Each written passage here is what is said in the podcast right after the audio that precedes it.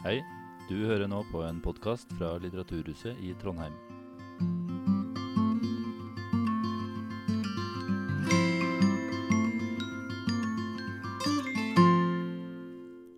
Hei, jeg heter Siv Gøril Brøndseng, og jeg skal snakke om sykdom, død og epidemier i skillingsvisa.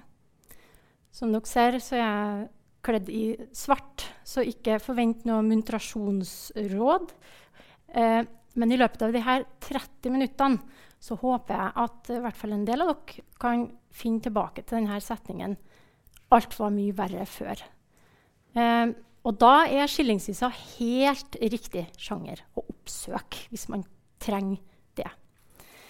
Jeg leder et forskningsprosjekt som heter 'Skillingsvisene i Norge 1550-1950'. Den forsømte kulturarven. Uh, og det er finansiert av Norges forskningsråd. Og I det prosjektet skriver jeg en bok som heter 'I elementenes vold'. Skillingsviser som nyhetsmedium i Norge 1550-1950. Uh, og den boka skal gis ut med Scandinavian Academic Press, forlaget Spartacus, i 2021. Og den handler altså om naturkatastrofer og ulykkeshendelser i skillingsvisa gjennom 400 år. Nyhetsformidlende skillingsvisa. Her forsøker jeg å vise i den boka eh, hvordan skillingsvisa om naturkatastrofer har fungert både eh, som en informasjonskanal, men også som en emosjonell ventil for folk i en periode hvor det ikke fantes mange teksttyper å venne seg til når man hadde mista noen i en brå ulykke, f.eks. Uh, I Norge fikk vi ikke egen avis før på 1760-tallet. Uh, så fram til da så var det vanskelig å finne en plass der man kunne gi uttrykk for sorgen sin. Da. En teksttype man kunne gi uttrykk for sorgen sin. Så de her eh, nyhetsformidlende visene de var informative. De oppga tid, sted og eh, gjerne også navn på de som hadde dødd i en ulykke, f.eks. på tittelbladet. Eh, og sånn sett er de journalistiske tekster mer enn skjønnlitterære tekster. Men når du åpner de her skillingsvisene, eh, så får du jo eh, poesi. Eh, og gjerne på rim ofte nødrim. Det er et helt arsenal av nødrim i, i skillingsvisa. Så nyhetsformidlende skillingsvisa befinner seg i det som jeg velger å kalle skjæringspunktet mellom journalistikk og skjønnlitteratur. Det er en hybridsjanger. Eh, hvis vi i tillegg husker at skillingsvisa ble sunget, eller det tror vi jo de ble, så befinner de seg også i skjæringspunktet mellom muntlig og skriftlig kultur. Um, i denne boka bruker jeg de antikke elementene jord, luft, ild og vann, de fire gamle ele elementene der, eh, som en rød tråd, som en samlende metafor gjennom hele boka. Eh, så jeg har et kapittel som handler om forlis. Eh, skillingsvisa om Titanics forlis, f.eks. For eh, og forlis langs Trøndelagskysten på 17-, 18- og 1900-tallet. Jeg har jordras, jeg har jordskjelv. Eh, både på Tiller og på Bakklandet på 1600-tallet. Eh, vulkanutbrudd. Og også da ildebranner. Eh, store bybranner som ramma Bergen og Trondheim og Kristiania. Chicago. Eh, utenlandsnyheter også her. Eh, jeg skulle jo ikke ha med sykdom og epidemier i denne boka. De, ikke, altså de Sykdom, epidemier og pandemier hører ikke naturlig inn under de fire elementene, i hvert fall sånn som jeg så for meg. Eh, dessuten var det nok katastrofer å ta av i arbeidet med den boka. Det mangla ikke på død og elendighet, for å si det sånn. Eh, men så ramma koronakrisa.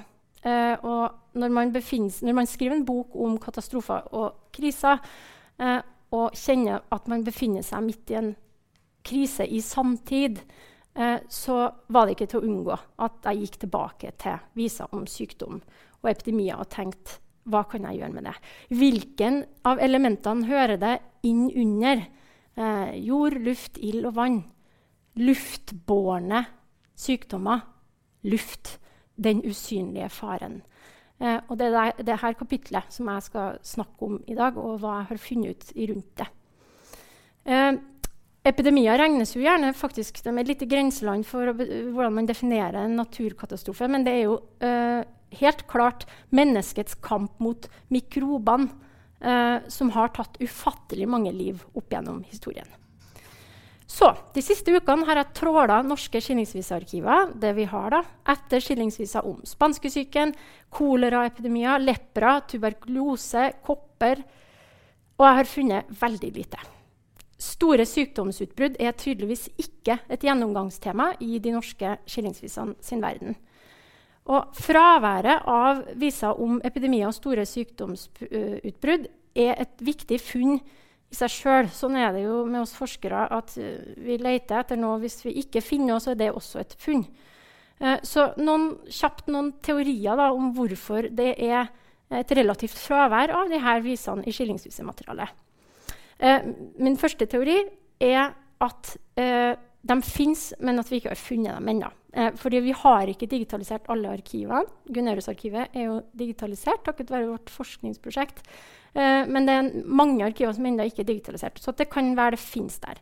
En annen teori er at disse visene har uh, gått tapt i det som vi i forskningsprosjektet kaller den nasjonale forsømmelsen av den kulturarven som skillingsvisa representerer. Skillingsvisa har, har, hatt en lav anseelse i kulturhistorien. Eh, for å si det rett ut, de har blitt brukt som dopapir i en del tilfeller. De har ikke, eh, regnes, har ikke vært regna som eh, eh, tekster med høy litterær verdi, sånn som bøker f.eks. var verdifullt. Skillingsvisa var trykt på billig papir, solgt for en billig penge. og har blitt nedvurdert og også da, i mange tilfeller gått tapt. Men en annen grunn til at sykdom og epidemier er underrepresentert i skillingsvisematerialet, for vi har jo oversikt over en god del av dem, så det er litt rart. Men jeg tror at det handler litt om at uh, nyhetsformidlende skillingsviser, som er dem som jeg forsker på, da, stort sett handler om brå død og plutselige ulykker og katastrofer. Epidemier og sykdomsutbrudd derimot, de foregår uh, over tid. De har et, et, annet tidsperspektiv. De er ikke like brå som katastrofe ansett. da. og er sånn sett kanskje vanskeligere å definere som en katastrofe. De er litt mer snikende. Uh, og vanskeligere muligens da å omsette også til litteratur. I hvert fall i skillingsvisseform. Ordet 'katastrofe' kommer fra gresk eh, og betyr vendepunkt, omdreining, og brukes om hendelser med store ødeleggende virkninger. I litteraturvitenskapen brukes katastrofe om en avgjørende vending i handlinga i et litterært verk, og da opprinnelig var det brukt i greske tragedier. I nyhetsvisa har vi også denne brå vendinga. Eh, F.eks. i forlisvisa så, så er det eh, fint på sjøen, og det er solskinn, og så bom, kommer det en storm eh, som fører til forlis og katastrofe. Eh, antagelig skyldes også dette fraværet av sykdomsvisa at, at sykdom og epidemier og pandemier representerte en normalitet i større grad før da, i den tidligmoderne perioden spesielt enn det gjør i dag. Og man skriver jo ikke nyhetsviser om det som er en del av hverdagen.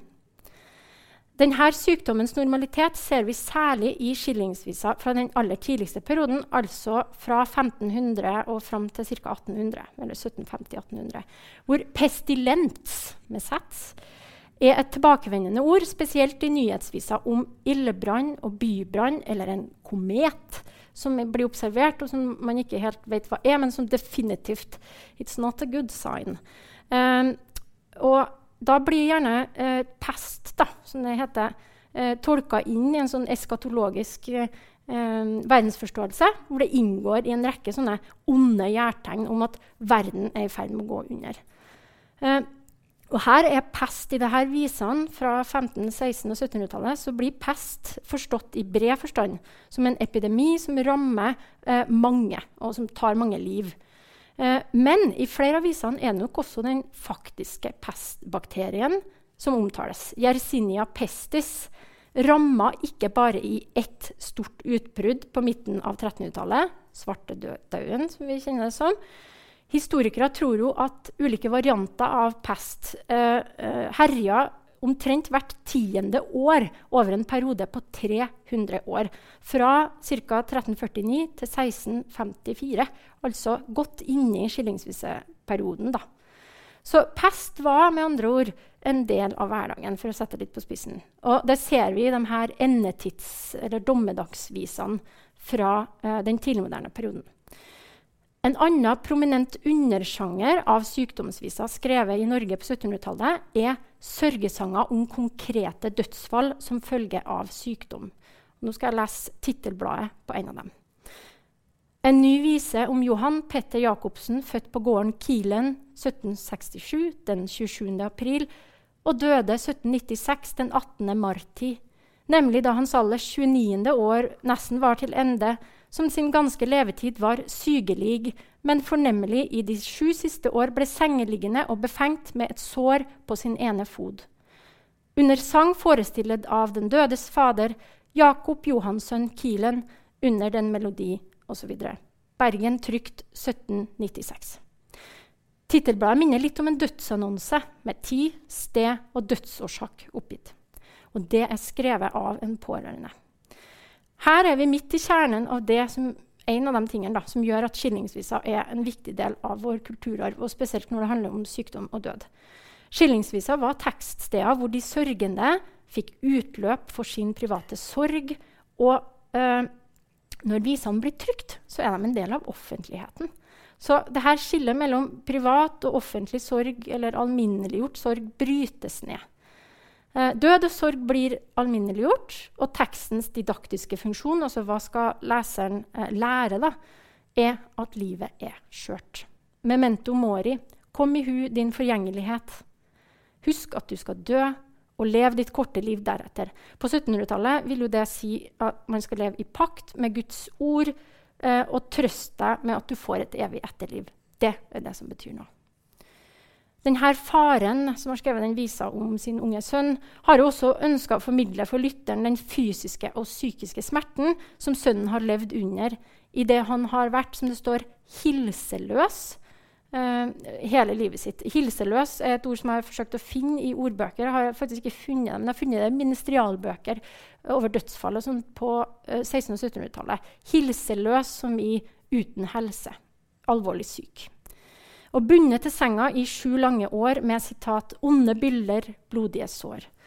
Et viktig kulturhistorisk element i visa er også at den beskriver hjemmedød, altså sykeleie og dødsleie i hjemmet. En stedsvarend sykestue, skriver faren om de sju lange årene, hvor den unge Johan Petter tilbrakt i sykesenga. Skillingsvisen om den døde unggutten Johan Petter er emosjonell og kaller i høyeste grad på leserens medfølelse. Imidlertid var det ikke alle sykdomsforløp som fortjente leseren sin sympati. Det fantes sykdommer på 1700-tallet som ble regna som selvforskyldt, og som man ifølge tidens moral måtte anse som en straff for sin lastefulle atferd. I 1786 ble følgende skillingstrykk publisert.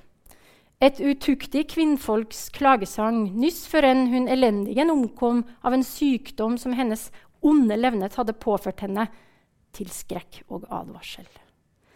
Visene er fortalt fra kvinnens ståsted i hennes stemme. Den utuktige kvinnen ligger på dødsleiet og gjengir det vi kan kalle en slags ondskapens selvbiografi, med en, helt, en hel katalog over synder som hun har begått. Hun omtaler seg selv som et kjendikt kreatur, og hennes sykdom beskrives som uren. Her er jeg kastet hen på strå i frost og nøgenhet. Har intet brød at mettes på, ei vann at leskes ved. Av råtne bilder er jeg full og stinker som et lik. Dig utukt var jeg tro og kull, så har du lønnet mig. Takk til trondheimskomponisten Øyvind Smith fra Trøndelag Teater, som på meget kort varsel satte ny melodi til denne visa som jeg ikke fant melodi på.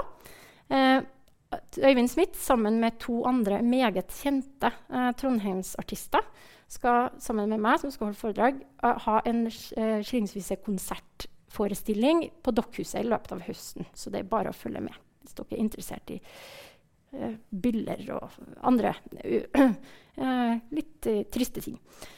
Eh, skildringen av rådne bilder som lukter vondt, antyder at dette kan dreie seg om kjønnssykdommen syfilis. En bakteriell sykdom som kom til Skandinavia allerede på 1500-tallet. Eh, det kan også være at visen skildrer radesyken, som er beslekta med syfilis, og som herja spesielt ille i Norge gjennom store deler av 1700-tallet og helt inn på 1850-tallet. På latin blir sykdommen, etter det jeg har funnet ut av, hvert fall, faktisk kalt lepra norvegica, eh, i hvert fall i noen av mine kilder. Eh, radesyken var også en tabubelagt sykdom, sånn som syfilis. Rade er avleda fra rate, som betyr å råtne. Ofrene ble gjenkjent for utslett og byller, vond lukt, som det også vi hørte i det verset jeg sang, og et bedrøvelig utseende. Tenk bare på ordet radmager. Det stammer fra ratesyken. Visen her er fortalt med kvinnens egen stemme, men den fordømmende tonen her avslører at den er skrevet av en forfatter som tydelig er moralsk overlegen denne utuktige kvinnen. Eh, og I dette tilfellet har vi til og med bevis om at det dreier seg om en mannlig forfatter. Ingen ringere enn Edvard Storm, en av de aller eh, viktigste eh, skillingsviseforfatterne på slutten av 1700-tallet. eh, i Danmark-Norge. Og han skrev, er mest kjent for sånne nasjonalromantiske sanger. eh, men hvis anledningen bydde seg til, til, å sette på plass en utuktig kvinne og skrive om syfilis, så gjorde han da også det, som dette eksempelet viser. Ok, Nå har vi vært innom, litt innom pestilens. Vi har snakka om en hilseløs unggutt med sår i foten eh, og syfilis. Og jeg tenkte da vi skulle bevege oss inn på 1800-tallet og snakke litt mer om en litt litt mer kjent epidemisk sykdom i skillingsvisa, som blir skildra i skillingsvisa, nemlig kolera. Det var seg en gang ut i koleraland osv. Det er Alf Prøysens koleravise, som er er veldig flott og ganske morsom, men som jeg ikke skal synge mer fra, fordi den er jo sk eh, ikke skrevet i samtid. Altså, den er ikke skrevet når koleraepidemien herja um, i Norge eller i verden på 1800-tallet, men ganske mange tiår etterpå. Jeg har ikke funnet noen uh, viser om kolera på, uh, på, norsk som er trykt på norsk i Norge. Uh, og jeg er sikker på at de fins, men jeg har bare ikke funnet dem. Men det her forskningsprosjektet som jeg leder, det er jo et panskandinavisk forskningsprosjekt. Så vi samarbeider med danske, finske og svenske forskere. og jeg spurte min gode kollega i Sverige om de hadde noen koleraviser. Og ja, ja, men sånn, det hadde de. Så jeg fikk tilsendt da, i ekspressfart et skillingstrykk eller flere som handler om kolera. Uh, og et stort kolerautbrudd som herja i Europa på 1830-tallet. Så jeg skal bare fortelle kort om ett av de eksemplene. Tvenne stykken nye avisord om den for närvarande i åtskilliga länder så fruktansvært herjende ryska pesten benämnd kolera morbus. Jönköping 1831. Dette er alltså ett eh, svensk kolera, en svensk koleraskillingstrykk fra 1831. Den første visa av to viser heter 'Reseptet mot kolera morbus', altså medisin mot kolera. Og gjennom 20 vers så beskrives da her sykdommens grusomme utbredelse, dens konsekvenser for samfunnet, og her er også noen forslag til hvordan man skal håndtere denne frykta bakteriesykdommen vibrio colorae, som det heter. Strengt kolera morbus hotar, karantän den knappast motar, slås det fast i første verselinje. Koleraen er altså så, en trussel så sterkt at eh, karantene nesten ikke hjelper. Jeg ønska å synge et vers av denne koleravisa, men jeg hadde et problem. Det fantes ikke noen melodi, og det er tilfellet med veldig mange svenske skillingstrykk, spesielt på 1800-tallet, at det mangler melodiangivelse. Eh, og så fant jeg ingen som passa av de norske melodiene vi har, heller. Eh, men når jeg posta en uh, liten sak om det her på skillingsvisebloggen min, uh, skillingsviser.no, om det her skillingstrykket, så var det en bekjent av en bekjent som hadde et forslag til hvilken melodi som kunne passe på akkurat denne koleravisa. Sei kurera preservera hinder man knopp något deran der hun kommer fro polera i sin rysliga gestalt. Da hun ferdig er at herja karon med sin gamla ferja sliter ondt at hinna berga hennes øffer overalt. Pepperkakebakesangen fra Torbjørn Egners Hakebakeskogen. Er altså i en svensk koleravise. I dette verset blir koleraen personifisert som en skrekkelig og kvinnelig gestalt. ikke ulik den fæle pesta vi kjenner fra svartedauden noen hundre år tidligere. Det er jo interessant at det, mange av dem her er kvinnelige gestalter. Litt som også når jeg skriver kapitlet mitt om luft og om vann og snakker om storm, så er det jo fortsatt sånn at de fleste stormene får navn etter kvinner. Katarina er jo et eksempel på det. og sånn var det også tidligere. Uh, I verset får vi også høre om fergemannen Karon fra romersk mytologi som frakta folk over elva Styx til dødsriket. Han har det travelt under epidemien fordi fru kolera har hastverk. Sykdommen sprer seg fort. Men hun, altså fru kolera, har faktisk ikke ankommet Sverige ennå. Ei til våra lugna strender Gud med straffet henne sender, blott til barbariets lender, så man ennå høppa spør. Takk og lov, epidemien er der, ikke her. Uh, ryska pesten. Men Koleraen kom til Sverige noen få år senere, altså tre år etter denne visa er publisert. I 1834 døde ca. 3700 stockholmere, altså 4,5% av byens befolkning, i kolera. Og Ifølge historikere kunne dødstallene vært mye høyere, men myndighetene var på dette tidspunktet ganske forberedt. Eh, karanteneregler var innført for skip som ankom fra områder hvor det var veldig høy smitte. Man hadde oppretta egne sunnhetsbyråer og klistra opp egne plakater, såkalte kolerabulletins, over byen, som man også gjorde i Norge. Eh, skillingstrykket kan leses som en del av denne bølgen av forberedelser for å forberede seg på at epidemien kommer. Eh, som en påminnelse og en appell om å handle for sent eh, før det er for sent. Handle nå før det er for sent. Dødens time synes stunda, skriver forfatteren i et vers, men fortsetter nu vi ei for faren blunda. Kolerautbruddene på 1830-tallet og også i senere tiår på 1800-tallet ramma også Norge. Jeg, skal, har ikke da funnet noe eh, skillingstrykk om det, og jeg vil gjerne høre om det hvis noen eh, som hører på, har funnet noe eller hørt om en, en vise om kolera. Men avslutningsvis nå. Det fins jo en skillingsvise som vi er nødt til å nevne når det skal handle om um, skillingsvise av sykdom. Uh, det vil være en forventning om det, tenker jeg. Jeg snakker så klart om i en sal på hospitalet der de hvite senger står, lå en liten brystsvak pike, mild og god med gyllent hår. I en sal på hospitalet er kanskje den visa de aller fleste forbinder med skillingsvisesjangeren. Eh, ikke bare i Norge, men også i Danmark og i Sverige. I Sverige kaller de denne visa for lasarettvisaen. Det er bare ett problem. Det er ikke en skillingsvise. Vil si, den foreligger ikke som skillingstrykk, i alle fall ikke i Sverige og i Norge. Vi har lett, vi i Norge har lett. Tråla arkiver på jakt etter Jens på Hospitalet. Andre forskere har lett.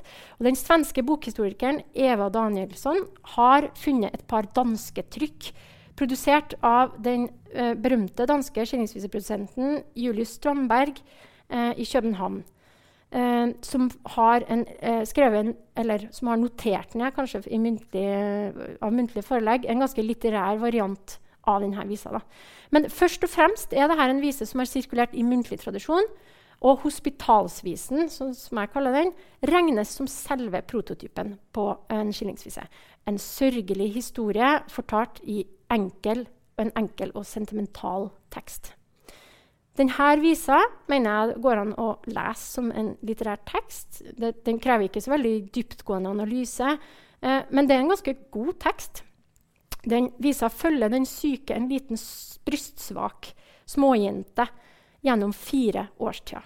Forfatteren skildrer hvordan naturen endrer seg, mens den lille jenta sin uh, situasjon forblir statisk og håpløs.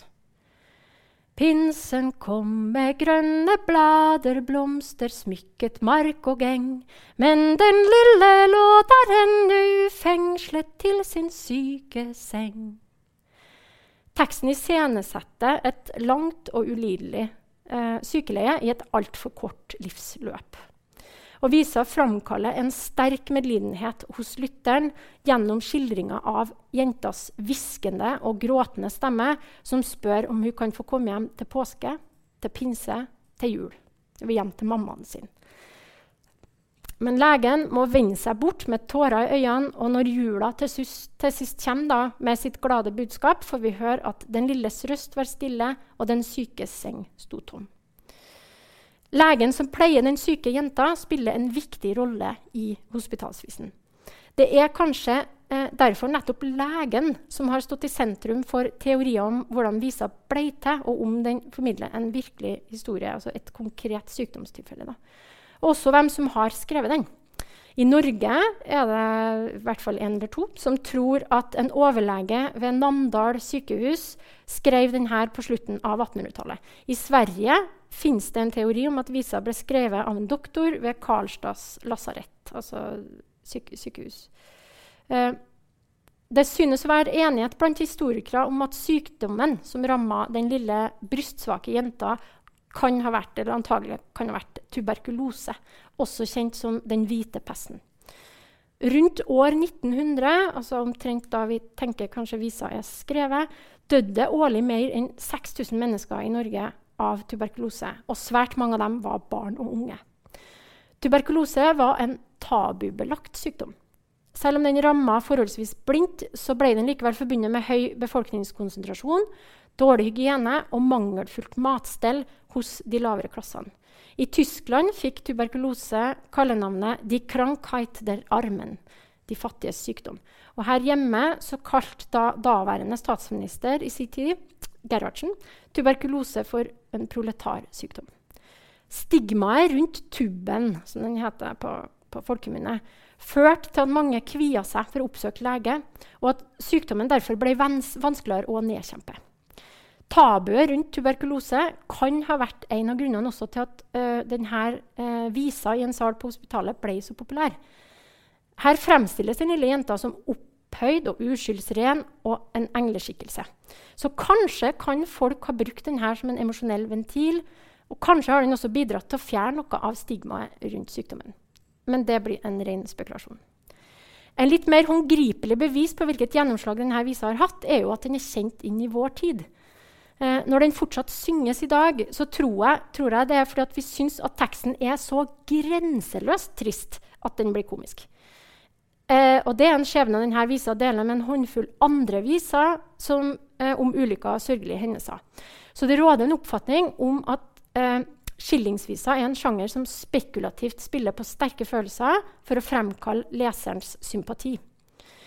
Denne oppfatningen av det sentimentale som kalk kalkulert eller forsert, forutsetter eh, egentlig en avstand til det som formidles. Og den avstanden var neppe til stede da denne visa ble skrevet, i en tid hvor barnedødelighet som følge av alvorlig sykdom var en høyst reell utfordring.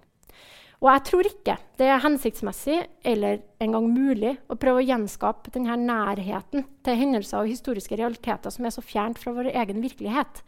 Men når vi selv blir ramma av en krise, sånn som f.eks. en dødelig virusepidemi, som vi står oppi nå, så rykker vissheten om vår forgjengelighet nærmere. Og da kan skillingsvisene være gode å ha. Som påminnere om at det var tøffere før i tida.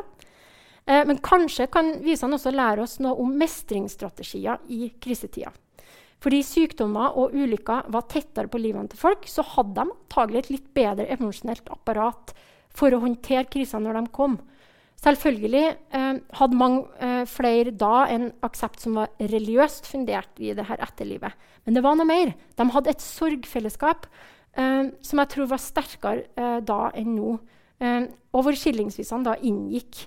Hvis dere husker den sørgevisa om Johan Petter, eh, så befant den seg i skjæringspunktet mellom det private og det offentlige. Og det, der tror jeg vi har mista litt i dag. I hvert fall er ikke skillingsvisene stedet hvor vi venner oss til.